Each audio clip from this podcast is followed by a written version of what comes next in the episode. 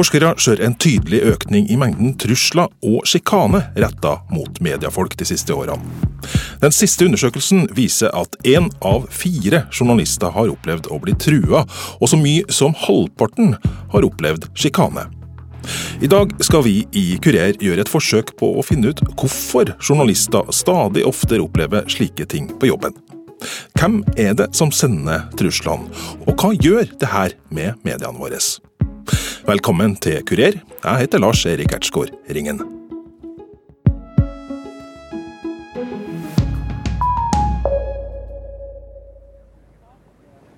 Han sier at det er på Twitter i dag at det er veldig veldig viktig å bruke alle midler for å kjempe mot de som kan skade USA, og at man må kjempe hardt for å luke ut noen bad dudes, er uttrykket han bruker på Twitter. Eh, Trump-administrasjonen har i hele morges eh, på TV her sagt at de synes det har vært en overreaksjon i helgen, og sier nå at det Eh, foregår Den 30. januar i fjor bidro NRKs USA-korrespondent Tove Bjørgaas med et innslag i Dagsrevyen etter at president Donald Trump hadde forsøkt å få til et innreiseforbud for mennesker fra en håndfull muslimske land. Det fikk én av seerne til å reagere så sterkt at han skrev et Facebook-innlegg som endte opp med at han for et par uker siden ble idømt en fengselsstraff. Dette var altså noe som skjedde i januar 2017, like etter at Donald Trump eh, tiltrådte, og like etter at han hadde eh, foreslått et innreiseforbud til USA for mennesker fra en del muslimske land. Eh, det hadde jeg rapportert om, og så var det en lørdag kveld det var, hvor jeg plutselig fikk en, en melding på Facebook fra en, en ukjent Eh, ser en, en, publikum som sa at jeg syns du skal gå inn og se på Facebook-siden din, på NRK Facebook-siden din, for der ligger det en kommentar som jeg ikke syns du skal akseptere, skrev han. Og der var det en mann eh, som under fullt navn hadde skrevet at han hadde eh, faktisk nok penger til å betale en utlending for å voldta meg. Hvordan reagerte du på det? Jeg var jo i Washington og følte jo ikke dette som noen direkte trussel, men jeg syns jo det var ubehagelig å få den uh, typen uh, språkbruk rettet mot seg. Han kalte meg altså for en horefitte. Uh, og, men det at han skrev altså under fullt navn på min offentlige NRK-Facebook-side jeg, husker at jeg reagerte på at han i det hele tatt våget å, å gjøre det.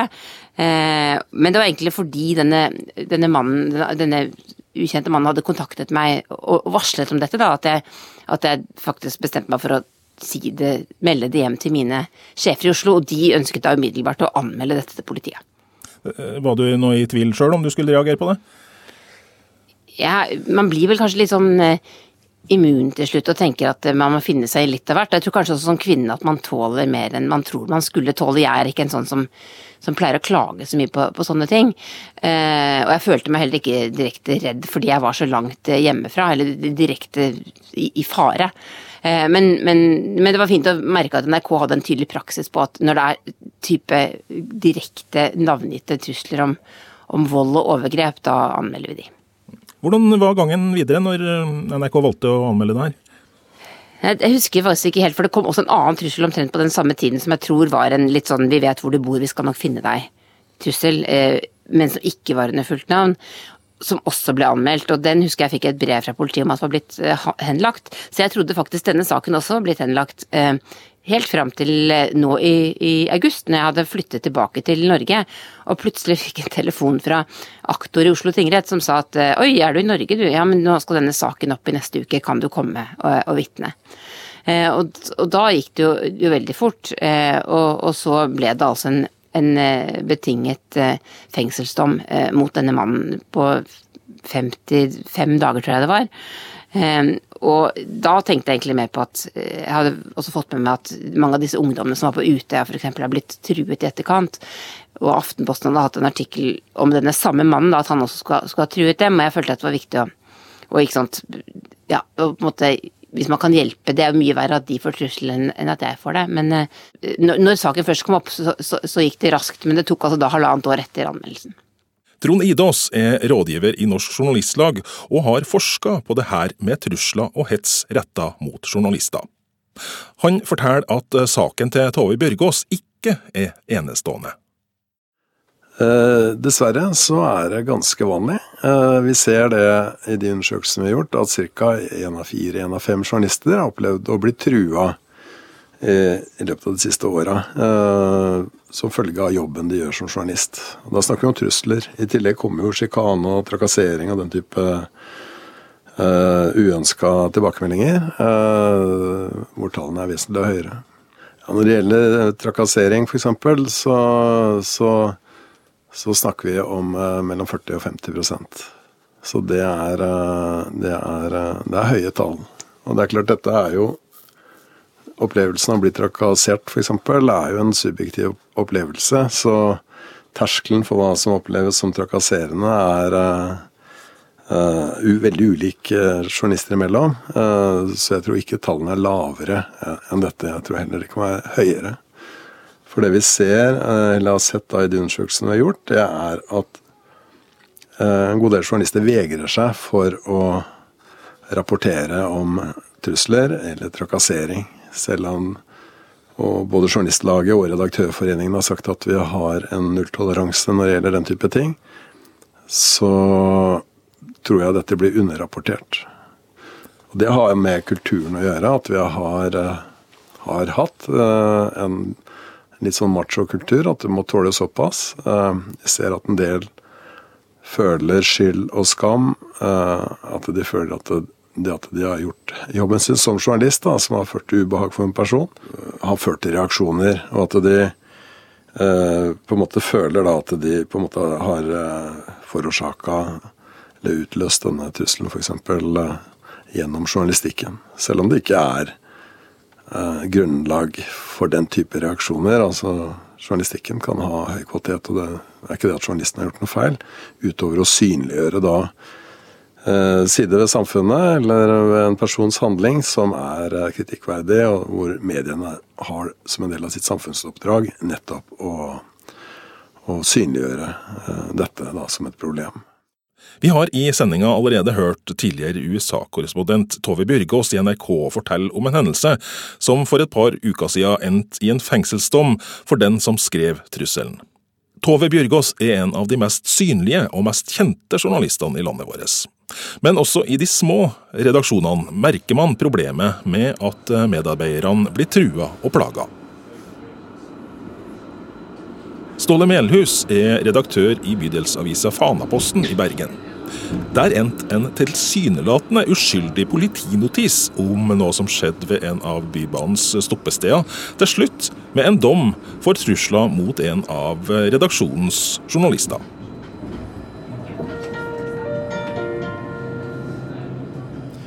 Nei, det begynte, begynte, ganske enkelt med en, med, med en politirunde, altså hvor journalisten kontaktet politiet for å få en gjennomgang av loggen. Eh, hadde vært noe bråk i, i gågaten ved et bybanestopp. Laget en, en notis på det som ble publisert, og, og, hvorpå da en av de involverte fra et belastet miljø mente seg identifisert. I sitt eget miljø, riktignok. Går ut fra at de visste hvem han var uansett. men men uh, han krevde da at vi fjerna denne notisen fordi at den identifiserte han. Notisen var helt anonymisert, selvfølgelig. Så han ringte da journalisten gjentatte ganger og, og, oppførte seg ganske aggressivt. Jeg overtok etter hvert saken for journalisten min, og, og fordi at det begynte å bli ubehagelig.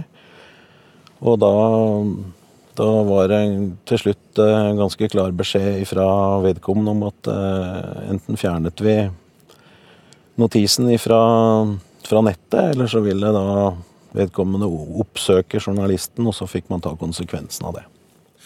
Redaktør Ståle Melhus i Fanaposten forteller at eh, det var ubehagelig å oppleve trusler på denne måten fra redaktørståsted så, så, er det ikke greit at medarbeiderne mine gjør jobben sin og, og blir eh, truet med besøk og, og, represalier. Det er jo mm, bare tanken på det. Altså, alle kan sikkert sette seg i den situasjonen at eh, hvis det kommer noen og sier at 'jeg vet hvor du bor', og kommer og tar deg hvis du ikke gjør som jeg sier. Det er ikke noe, det er ikke noe hyggelig bivirkning av jobben din, det. Melhus var ikke i tvil om at han måtte reagere og melde trusselen mot en av journalistene i redaksjonen til politiet. Nei, det var jeg ikke i tvil om. Det, det var å eh, sende en anmeldelse til eh, politiet og få, få saken eh, forfulgt fra, fra de ståsted. Den mannen som trua journalisten i Fanaposten, var tiltalt for flere ting samtidig, men straffen for sjøle trusselen ble fengsel. Truslene isolert seg tror jeg han fikk eh, 30 dager for. Eh, men han ble jo dømt til over et års fengsel eh, for alle, alle tiltalepunktene. Straffenivået er vel, ligger vel rundt 30 eh, dager for denne typen saker. Hva, hva tenker du om det, er det passelig? For en trussel av denne typen så tenker jeg det at det er eh, tilstrekkelig, ja journalister jo, har jo makt og, og, er aktive samfunnsdebattanter til dels. Bør ikke da denne yrkesgruppen også tåle litt ekstra? Jo, og det tror jeg faktisk de gjør.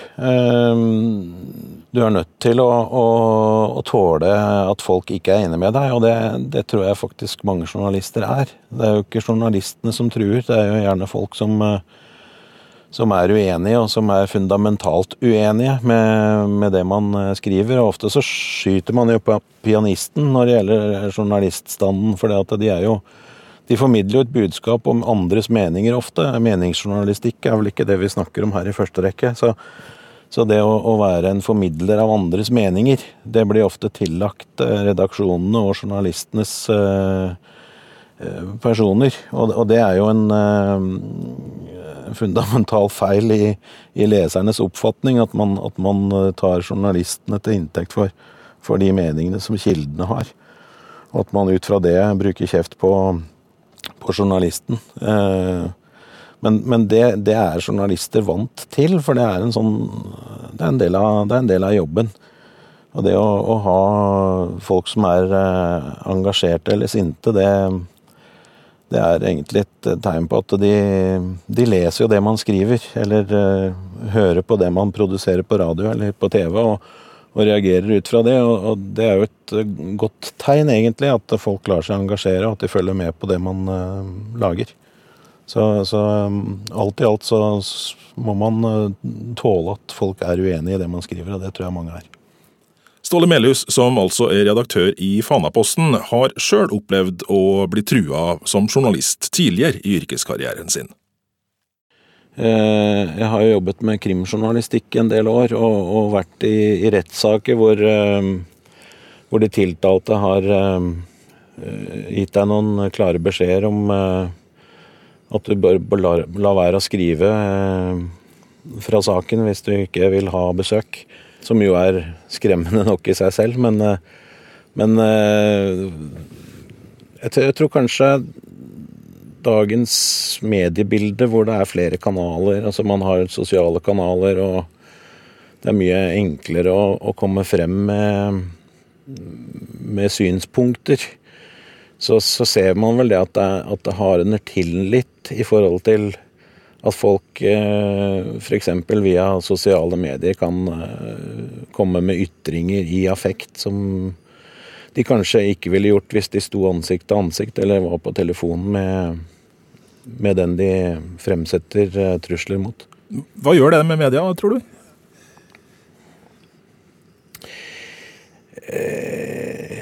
Ideelt sett så vil jeg si at jeg ikke håper de gjør noen ting med media, men, men faktum er vel at man eh, på sikt blir mer beregnende med hvilke saker man tar og hvilke saker man ikke tar. Sikkert mange journalister som er uenige med meg i det. Eh, men jeg, jeg, tror journalister reserverer seg mer i dag mot hva slags saker de tar opp, enn en, en det det var før. Tove Bjørgaas i NRK mener at journalister fort kan bli påvirka av sjikane og trusler. Jeg tror det kan være ganske lett. Eh, jeg har vært i en heldigere stilling fordi jeg faktisk ikke har befunnet meg i det markedet som jeg rapporterer til, altså i Norge, og har rapportert fra utlandet i veldig mange år. Det jeg har merket, er at blir, man blir veldig skjerpa, man blir veldig opptatt av hvordan man ordlegger seg når eh, man får veldig mye kritikk hele tiden. Eh, og etter hvert som den kritikken har tiltatt, så har jeg nok blitt forsiktigere i måten jeg har eller i hvert fall grundigere i hvilke kilder jeg bruker, å sjekke hvor jeg får opplysninger fra, den typen ting. Men samtidig så, så, så, så tror jeg det er sikkert mange som, som er i, i, i rapporterer f.eks. om norsk politikk, om saker som, som, angår folk i Norge mer direkte, som sikkert opplever mer av dette. Og jeg tror nok det kan være lettere å, å gå etter kvinner, altså. Hva tenker du om at undersøkelser viser at én av fire av dine kollegaer har opplevd sånne ting som du har opplevd nå? Jeg tror det handler mye om det som har skjedd med sosiale medier, og at før i tida så måtte man faktisk skrive et brev, eh, putte det i en konvolutt, gå på postkontoret, kjøpe et frimerke, skrive en adresse eh, til en redaksjon på det brevet. Og i den prosessen så hadde man kanskje tenkt seg om noen ganger. Eh, nå kan du bare sitte hjemme og litt, ha en dårlig dag og bare klikke, trykke 'send' på, på et innlegg på, på, Facebook eller på Twitter, og det er utrolig enkelt.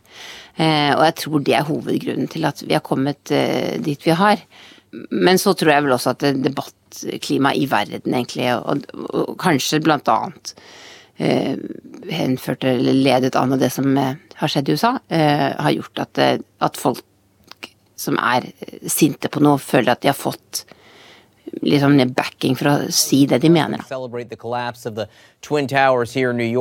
He appeared to mock a reporter with a disability. Take a look. written by a nice reporter. Now the poor guy, you got to see this guy. Oh, I don't know what I said. Oh, I don't remember. He's going like, I don't remember. I, oh, maybe that's what I said. Tove Bjørgaas, som har jobba mange år som NRKs korrespondent i USA, mener at det er tydelig at det siste presidentvalget der har blitt et veiskille når det gjelder trusler mot mediefolk.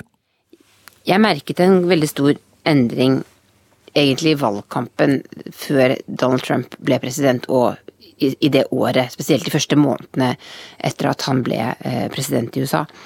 Jeg hadde vært vant til å få e-post fra seere, lyttere, men jeg merket at det, det, ble en forskjell på hva folk fikk seg til å si eh, etter at Trump ble eh, president, og, og at jeg tror Trump eh, kanskje ga en del mennesker også i Norge mot til å uttrykke seg på en annen måte enn de hadde våget tidligere.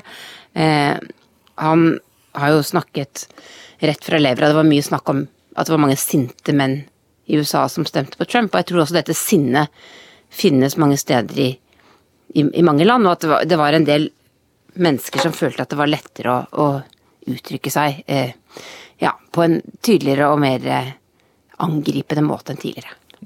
Men de her e-postene du får, hvor mange av dem syns du du i kraft av jobben din må tåle, og hvor mange er det som er over grensen, egentlig? Jeg får e-post fra en del faste, faste, kan du si det. Har vært eh, enkelte, eh, og det er stort sett menn som har sendt e-post nesten daglig i, i, flere år. Og til slutt så, så, Eller etter ganske kort tid så overser man eh, dem, og man orker liksom ikke å gå inn i debatter med folk. Men så lenge det er uh, faglig kritikk, så er, så er, det liksom greit. Folk må få lov til å mene noe om den jobben man gjør faglig. Eh, men når det handler om det som går på eh, sant, vold, eh, direkte trakassering, trusler, så er det en helt annen historie. Og den typen respons hadde ikke jeg fått før Trump tiltrådte. Er det et element at du er kvinne, tilfeldigvis?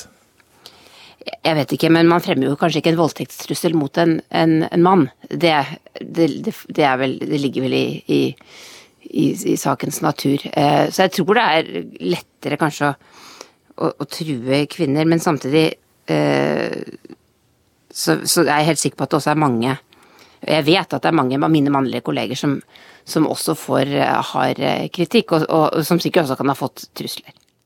Tidlig i programmet hørte vi forsker og rådgiver Trond Idås. Han er enig i Tove Bjørgaas sitt inntrykk av at president Trumps holdning til media fører til at eh, trusler og sjikane retta mot mediefolk har blitt et økende problem.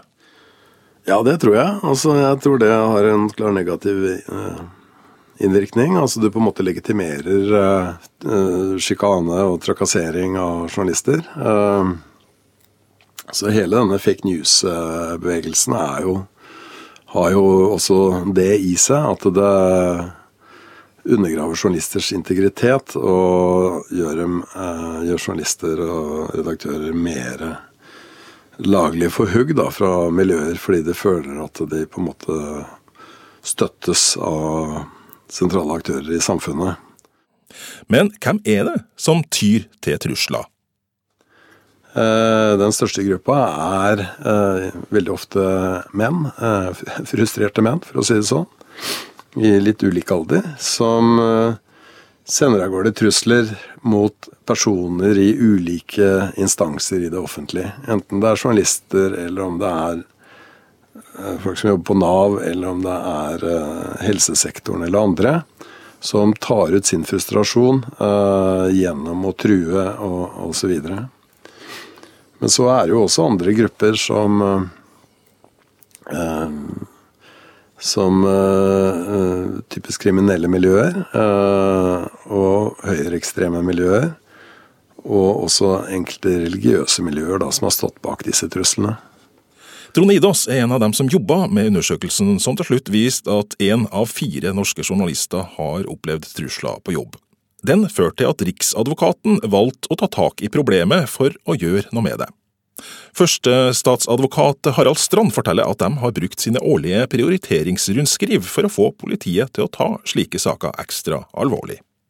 Vi hadde for noen år tilbake eh, initiativ eh, tatt fra Redaktørforeningen og Norges Journalistlag, det er vel det det heter, eh, som tok opp problemstillingen med oss. Vi hadde fruktbart, eh, fruktbar dialog og møte med, med, med, dem, og bestemte oss for å ta inn eh, eh noe i vårt årlige mål- og prioriteringsrundskriv. Det betyr at man løfter fram dette som, eh, som en problemstilling og som et prioritert område for eh, politiet. Og der står det fortsatt. Men har statsadvokatembetet noen oversikt over om prioriteringene har ført til at politietterforskninga av slike saker har ført til flere saker i rettsapparatet? Eh, det har vi dessverre ingen oversikt over. Det føres ikke noen faste statistikker fra politiets side over anmeldelser knyttet mot eh, eh, pressefolk, media. Vi, de signalene vi har gitt det er at disse sakene skal prioriteres fra politiets side. Vi regner altså med at angrep mot representant for media det er for så vidt et angrep på selve demokratiet. Det er veldig viktig for oss å betone det overfor politiet. Vi har eh, gitt beskjed om eh, på møter med pressens organer at eh, i den utstrekning saker blir henlagt, og, vedkommende mener det er uberettiget å henlegge saken, og, og klageadgangen til statsadvokaten blir ikke fører frem, så vil altså Riksadvokaten, selv om det ikke er klageadgang hit, eh, likevel kunne se på sakene for å se om det er grunnlag for å gjøre om en slik avgjørelse om henleggelse. Så skal det sies at uh, de har altså ikke resultert i, så vidt vi har oversikt over det, at vi har fått inn en eneste sak hit. Uh, så jeg vet ikke om man av det skal trekke noen slutninger eller ikke, men vi har altså ikke blitt forelagt dette fra, fra noen representanter fra pressen. Førstestatsadvokat Harald Strand forteller at statsadvokaten kommer til å fortsette med å understreke hvor viktig det er at politiet tar trusler retta mot journalister og andre mediefolk alvorlig, og etterforsker slike saker. Ja, vi sender disse signalene ut uh, også for, for, neste år. Uh, absolutt. Og hvis det er problemstillinger som vi ikke kjenner til, som pressen opplever, og hvis det misnøye eller hva det måtte være, så, så er det øh, nær sagt åpent hus her for å ta et, øh, kontakt med oss. Hvis dette er mer en generell og, og, og økende problemstilling, slik pressen opplever det, med, med, hvor man ser at det er ønskelig at man gjør noe mer fra vår side. Rådgiver Trond Idås hos Norsk Journalistlag er glad for fokuset dette problemet har fått fra statsadvokatens side. Det er en uh, uønska og ubehagelig side ved å leve i et fritt og åpent samfunn. Uh, at noen misbruker den åpenheten og den friheten. Men jeg håper jo det at vi fra bransjehold uh, er så tydelige på at dette er uakseptabelt, og dette skal vi slå ned på umiddelbart, fører til liksom holdninger som, som, er, som går på at dette skal vi ta tak i, og dette skal vi ikke akseptere. Og de som opplever det, skal få den hjelp og den bistanden de, de trenger for å eh, komme seg videre. Det var alt vi i Kurer-redaksjonen hadde på hjertet denne lørdagen. Om du har innspill til hva vi kan se nærmere på i framtida, eller tilbakemelding til oss, så når du oss på kurer, alfakrøll, nrk.no. Produsent for denne sendinga var Randi Lillealteren, og jeg heter Lars Erik Ertsgaard Ringen.